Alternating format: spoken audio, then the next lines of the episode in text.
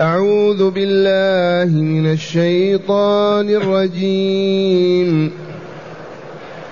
فلما جاءهم الحق من عندنا قالوا قالوا لولا أوتي مثل ما أوتي موسى.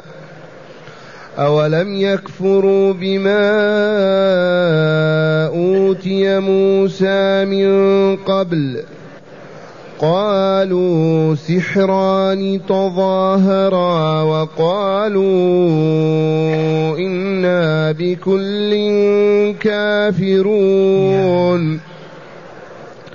قل فأتوا بكتاب من عند الله هو أهدى منهما هو أهدى منهما أتبعه إن كنتم صادقين فإن لم يستجيبوا لك فاعلم أنما يتبعون أهواءهم ومن أضل ممن اتبع هواه بغير هدى من الله إن الله لا يهدي القوم الظالمين ولقد وصلنا لهم القول لعلهم يتذكرون. أحسنت. معاشر المستمعين والمستمعات من المؤمنين والمؤمنات لما قرر تعالى في الآيات السابقة نبوة محمد صلى الله عليه وسلم وأثبت رسالته بالنقل والعقل.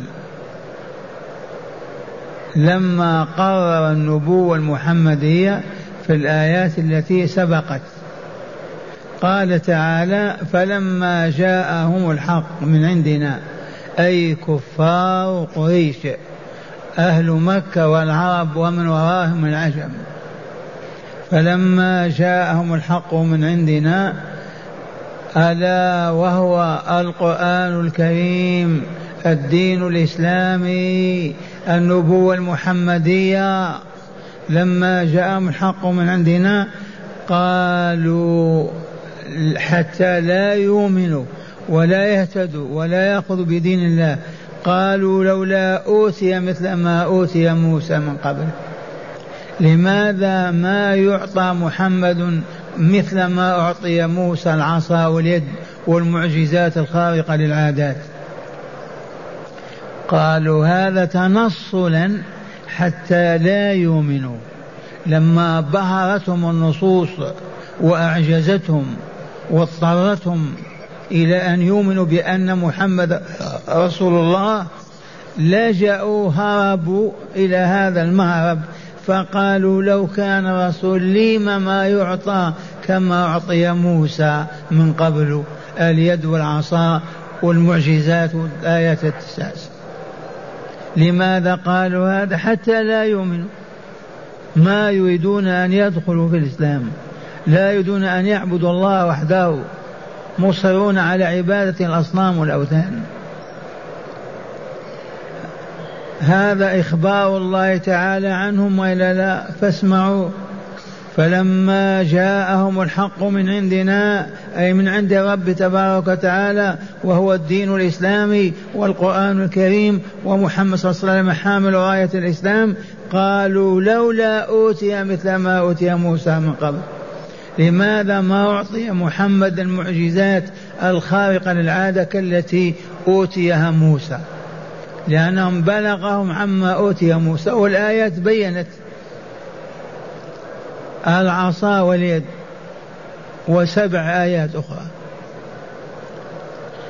لما قالوا هذا القول كما قلت لكم يريدون أن لا يسلموا ما يريدون أن يقبلوا الإسلام فيبحثون عن المخرج. ظنوا أن هذا مخرج.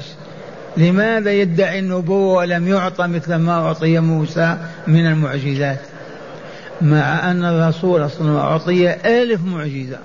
ما هي معجزة واحدة. ألف. قال تعالى أولم يكفروا بما أوتي موسى من قبل؟ والله كفروا بما أوتي موسى من قبل لأنهم اتصلوا باليهود بالمدينة. بعثت قريش وفدا لها. وسألوا اليهود عن محمد صلى الله عليه وسلم. هل هو حقا رسول الله؟ هل هو نبي الله؟ أجاب اليهود بأنه رسول الله ونبي الله وصفاته كاملة في التوراة واضحة على أنه رسول. ورجعوا بالخبر. فماذا قالوا؟ قالوا سحران تظاهرا. موسى ومحمد ساحران أو ما جاء به من السحر. أولم, أولم يكفروا بما أوتي موسى من قبل كفروا. كذبوا أن ما جاء به موسى هو من آيات الله. وسبب هذا هو عدم إقبالهم على الحق ورضاهم به. وهذه طبيعة الإنسان إذا ما رضي بالحق يأتي من كل باب ويدفع من كل شبهة. ولكن الله يفضحهم. أولم يك أولم يكفروا من بما أوتي موسى من قبل؟ بالفعل كفروا. قالوا سحران وفي قراءة سبي ساحران أي موسى ومحمد. ساحران تظاهرا تعاونا فقط. وقالوا إنا بكل كافرون. بالتوراة والإنجيل والزبور وعيسى والفرقان ومحمد. ما نؤمن بشيء. خلونا لا ما نحن عليه نعبد الأصنام. هذه الشهوات والأهواء والأطماع والتقليد الأعمى من لم يريد الله هدايته ما يهتدي أبدا. هذا طبع الإنسان. قالوا سحران ساحران تظاهر وقالوا إن بكل منهما كافرون. ما نصدق موسى ولا هارون ولا عيسى ولا محمد صلى الله عليه وسلم. وقالوا إنا بكل منهم كافرون. لا نصدق ولا نؤمن ولا نتبع. من هؤلاء كفار قريش في مكة. وشاء الله أن يؤمن أكثرهم ويدخل فيها رحمة الله. ولكن أقليتهم ذهبوا إلى جهنم وبئس المصير. فقال الله تعالى لرسوله صلى الله عليه وسلم قل لهم قل فاتوا بكتاب من عند الله هو أهدى منه ما أتبعه أنا. إن كنتم صادقين. جيئون بكتاب كالتوراة يحمل الهدى والنور أو كالقرآن الكريم يحمل الهدى والنور أنا أتبعه. هاتوا. قل لهم يا رسولنا فأتوا بكتاب من عند من عند الله هو هو أهدى أي من التوراة والإنجيل أتبعوا إن كنتم صادقين. من أين أن يأتوا بكتاب يوحى إليهم. الكتاب هو القرآن الكريم رفضوه الكتاب التوراة كذبوا ما فيها. والعياذ بالله. سمعتم ما كان يعاني رسول الله ويقاسي؟ ماذا قالوا؟ قالوا سحران تظاهرا وقالوا إنا بكل كافرون. قل لهم يا رسولنا فأتوا بكتاب من عند الله كالتوراة أو الإنجيل أو القرآن على أن يكون هو أهدى من التوراة والإنجيل. أكثر هداية للحق والكمال والسعادة والفوز في الدنيا والآخرة. أتبعه أنا أتبع. لما أنتم ما تتبعون؟ أنا مستعد. لو جاءني كتاب من الله لاتبعته. وهذا شأن المؤمن. نعم. والمصر على الكفر والعناد والعياذ بالله ما يستجيب. تقدم له الكتاب يصحى ويضحك. وهذا واضح فينا وبيننا المعاندون المكابرون ما يقبلون الدليل ابدا يرفضونه هذه طبيعة الإنسان إذا هبط. قل فأتوا بكتاب من عند الله هو أهدى منه ما من التوراة والقرآن أتبعه وأعمل بما فيه. إن كنتم صادقين فيما تقولون هاتوا هذا الكتاب. ما عندكم؟ عندكم اذا هذا كتاب الله القرآن الكريم. لما ترفضونه وتبتعدون عنه. ثم قال تعالى لرسوله صلى الله عليه وسلم قل فإن لم يستجيبوا لك فاعلم أنما يتبعون أهواءهم. أن تقول لهم هاتوا الكتاب اتبعه إن كنتم صادقين. فإن لم يستجيبوا قاطعا ولم يستجيبوا من أين لهم أن يأتوا بكتاب كالتوراة أو القرآن؟ فإن لم يستجيبوا لك فاعلم أن ما يتبعون أهواءهم ما يتبعون عقولهم العقل له قيمته. لكن لو كانوا يتبعون عقولهم والله لآمنوا وأسلموا.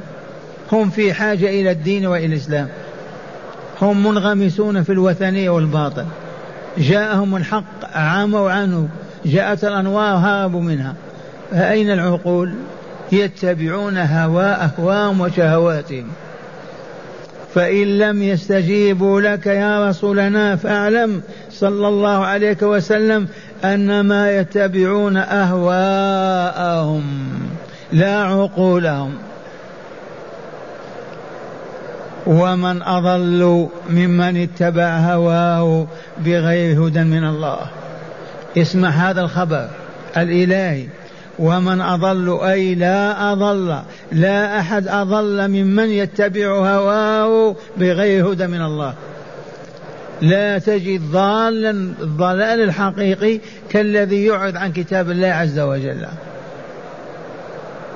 ويتبع هواه وما تمليه شهواته وشياطينه عليه. ومن أضل ممن اتبع هواه بغير هدى ونور من الله عز وجل. وأخيرا إن الله لا يهدي القوم الظالمين. هذا التوقيع النهائي. اسمع هذا الخبر. إن الله لا يهدي القوم الظالمين. خبر إلهي. والله العظيم كما أخبر الله أن الظالم المتوغل في الظلم والخبث والشر والفساد ما يهتدي. ما قال إن الله لا يهدي القوم الظالمين قال الظالمين المتوغلين في الظلم المبعدين فيه هيهات هيهات أن يرجعوا. كالذي يريد أن يسافر إلى الشام فيتجه شمال جنوبا. سنة كاملة وهو ماشي. كيف يرجع؟ ضلاله بعيد. والمراد من الظلم هنا وضع الشيء في غير موضعه ومن أبرز ذلك عبادة غير الله. لأن الله خلقنا واذكروا هذا. وخلق هذا الكون كدار الضيافة لنا. وأوجدنا فيها من أجل أن نذكره ونشكره. والله العظيم. من أجل أن نذكر ونشكره. وأوجد الدار الآخرة. ننتقل إليها واحد بعد واحد. من أجل ماذا؟ من أجل أن يجزي العاملين على عملهم. إذا فبدل أن نعبد الله نعبد حجرا أو صنما أو إنسانا أو جانا أو شيطانا ونترك عبادة الذي خلقنا من أجل أن نعبده. أي ظلم أفظع من هذا الظلم؟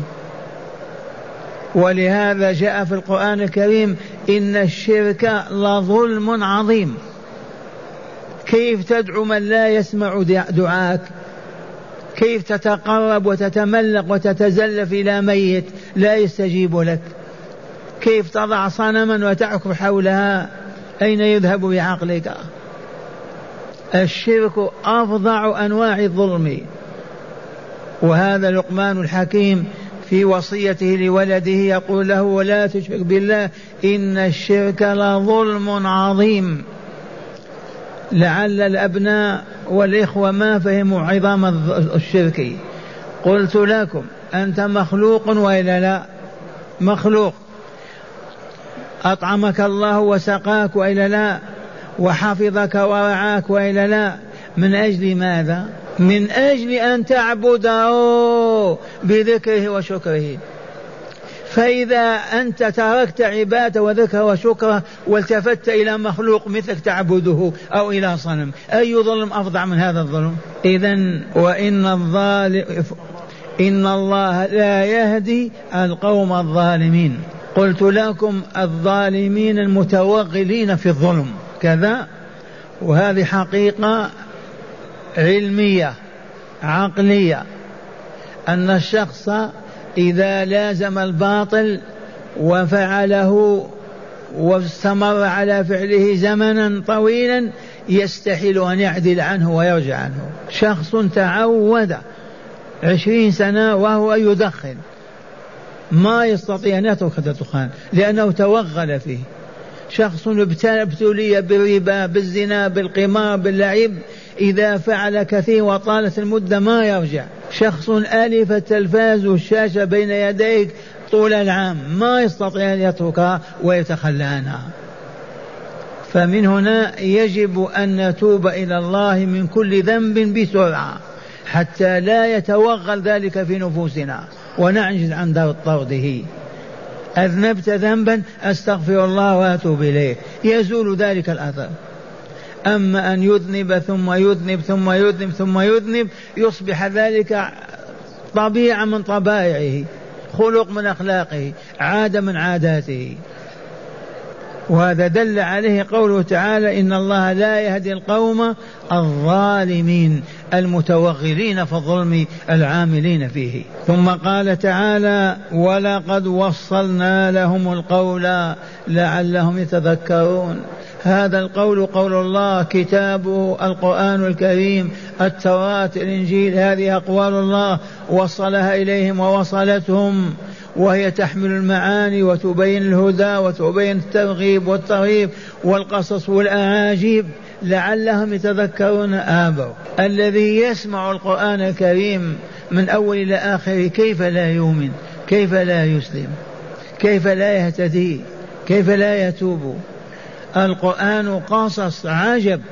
القرآن الترغيب والترهيب العجب فيه. بيان الهداية بيان الضلال بيان الحق بيان الباطل بيان الخير بيان كل هذا واضح كالبستان بين يديه. كيف ما يهتدي؟ ولقد وصلنا لهم قول لعلهم يتذكرون فيرجعون إلى الله ويتوبون إليه ويعبدونه وحده ويتركون عبادة سواه. ولكن إن الله لا يهدي القوم الظالمين.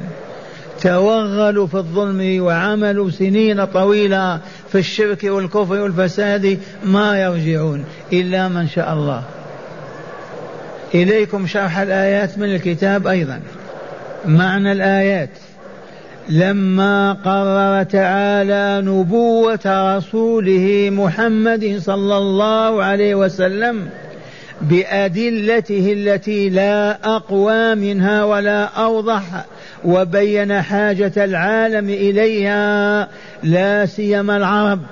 وذكر أنه لولا كراهة قولهم لولا أرسلت إلينا رسولا فنتبع آياتك ونكون من المؤمنين لما أرسل إليهم رسولا ذكر هنا ما واجه به المشركون تلك, تلك الرحمة المهداة.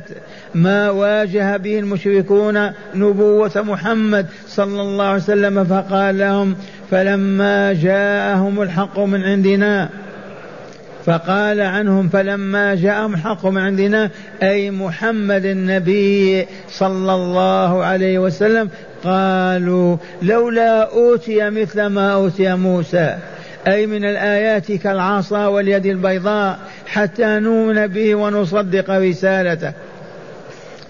قال تعالى أولم, يكو أولم يكفروا بما أوتي موسى من قبل؟ قالوا ساحران تظاهرا وقالوا إنا بكل كافرون.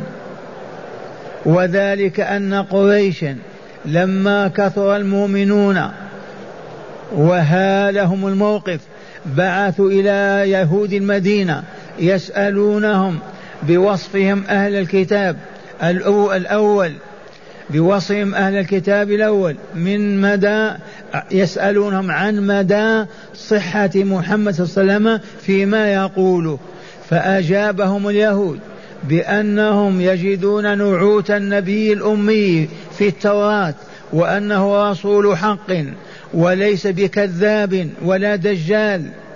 فما كان من المشركين من قريش إلا أن أعلنوا كفرهم بالتوراة. وقالوا التوراة والقرآن سحران تعاونا فلا نؤمن بهما ولا نصدق من جاء بهما.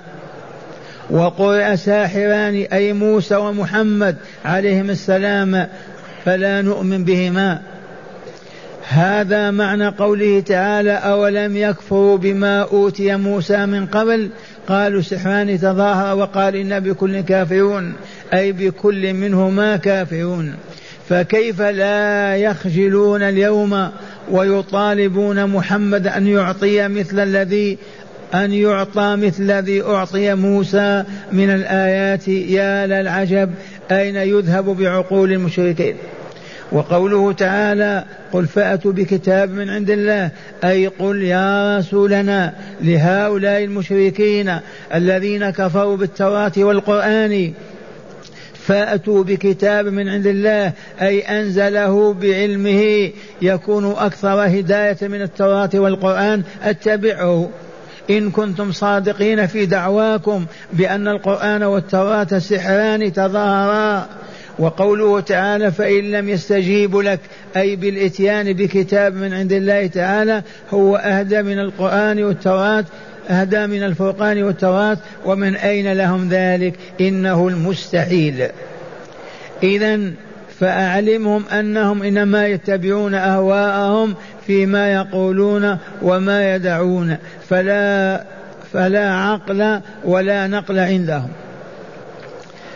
ومن أضل ممن اتبع هواه بغير هدى من الله اللهم إنه لا أضل منه والنتيجة أنه لا أضل من هؤلاء المشركين من قريش.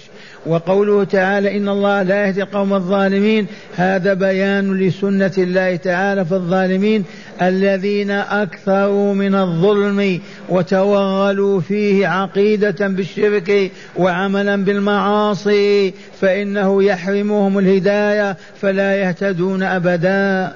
وقوله تعالى ولقد وصلنا لهم القول لعلهم يتذكرون أي لقد وصلنا أي لهؤلاء المشركين من قومك يا رسولنا. أي وصلنا لهم القول بأخبار الماضين وما أحللنا بهم من, من بأسنا ونقمنا وعظيم عقوباتنا لما كفروا كما كفر هؤلاء وكذبوا كما كذب هؤلاء. وصلنا, وصلنا لهم القول وصلنا لهم القول مبينا واضحا مبينا واضحا موصولا. أوله بآخره رجاء أن يتذكروا فيذكروا فيؤمنوا ويوحدوا فينجوا من العذاب ويرجوا رحمة الله ودخول الجنة. نسمع هداية الآيات. نعم. بسم الله والحمد لله. من هداية هذه الآيات أولا بيان تناقض المشركين وكل من يتبع الهوى ويترك الهدى الإلهي. بيان تناقض المشركين وتناقض كل من يرغب عن الهدى, عن الهدى ويبتعد عنه إلى يوم الدين. بيان تناقض المشركين وإلا عن الهدى بسبب رفضهم. وكل من يرفض دين الله عز, عز وجل ويعرض عنه يتخبط في حيرته. نعم. ثانيا بيان تحدي المشركين بالإتيان بكتاب من عند الله وعجزهم عن ذلك فبان بيان تحدي المشركين بالإتيان بكتاب من عند الله. تفضلوا هاتوا استطاعوا مستحيل أن ينزل الله عليهم كتاب وقد أنزله على نبيهم من أجل هدايتهم وإسعادهم وإكمالهم فكفروا به وأعرضوا عنه والآن يستطيعون أن يأتوا بكتاب ولو بكلمة. فضلا عن كتاب. نعم. ثالثا بيان سنة الله في حرمان المتوغلين في الظلم من الهداية الإلهية. هذه التي ما ننساها. بيان سنة الله في المتوغلين في الظلم في الشر في الخبث في الفساد ما يهتدون. دي سنة الله. فلهذا نقول فرض الله علينا التوبة العاجلة. التوبة يجب أن تكون فورا. زلت القدم قلت أستغفر الله أكلت لقمة محرمة قل أتوب إلى الله. أما الاستمرار على المعصية صاحبها ما يهتدي ما يرجع. يصبح ذلك من أخلاقه ومن طباعه ما يتوب أبدا. دل على هذا قوله تعالى إن الله لا يهدي القوم الظالمين أي المتوغلين في الظلم الذين عاشوا فيه وما خرجوا منه. نعم. رابعا بيان أن الله عز وجل وصل القول لأهل مكة مفصلا مبينا لهدايتهم فله الحمد وله المنة وعلى الكافرين اللعنة في جهنم. بيان أن الله أنزل كتابه وبعث رسوله لأهل مكة والعرب والعجم الأولين والآخرين إلى يوم القيامة. فمن آمن واستقام واهتدى سعد وكمل في الدنيا والآخرة ومن تكبر وأعرض وكفر وأشرك والعياذ بالله شاقي في الدنيا والآخرة. وما ظلمهم الله ولا كانوا أنفسهم يظلمون.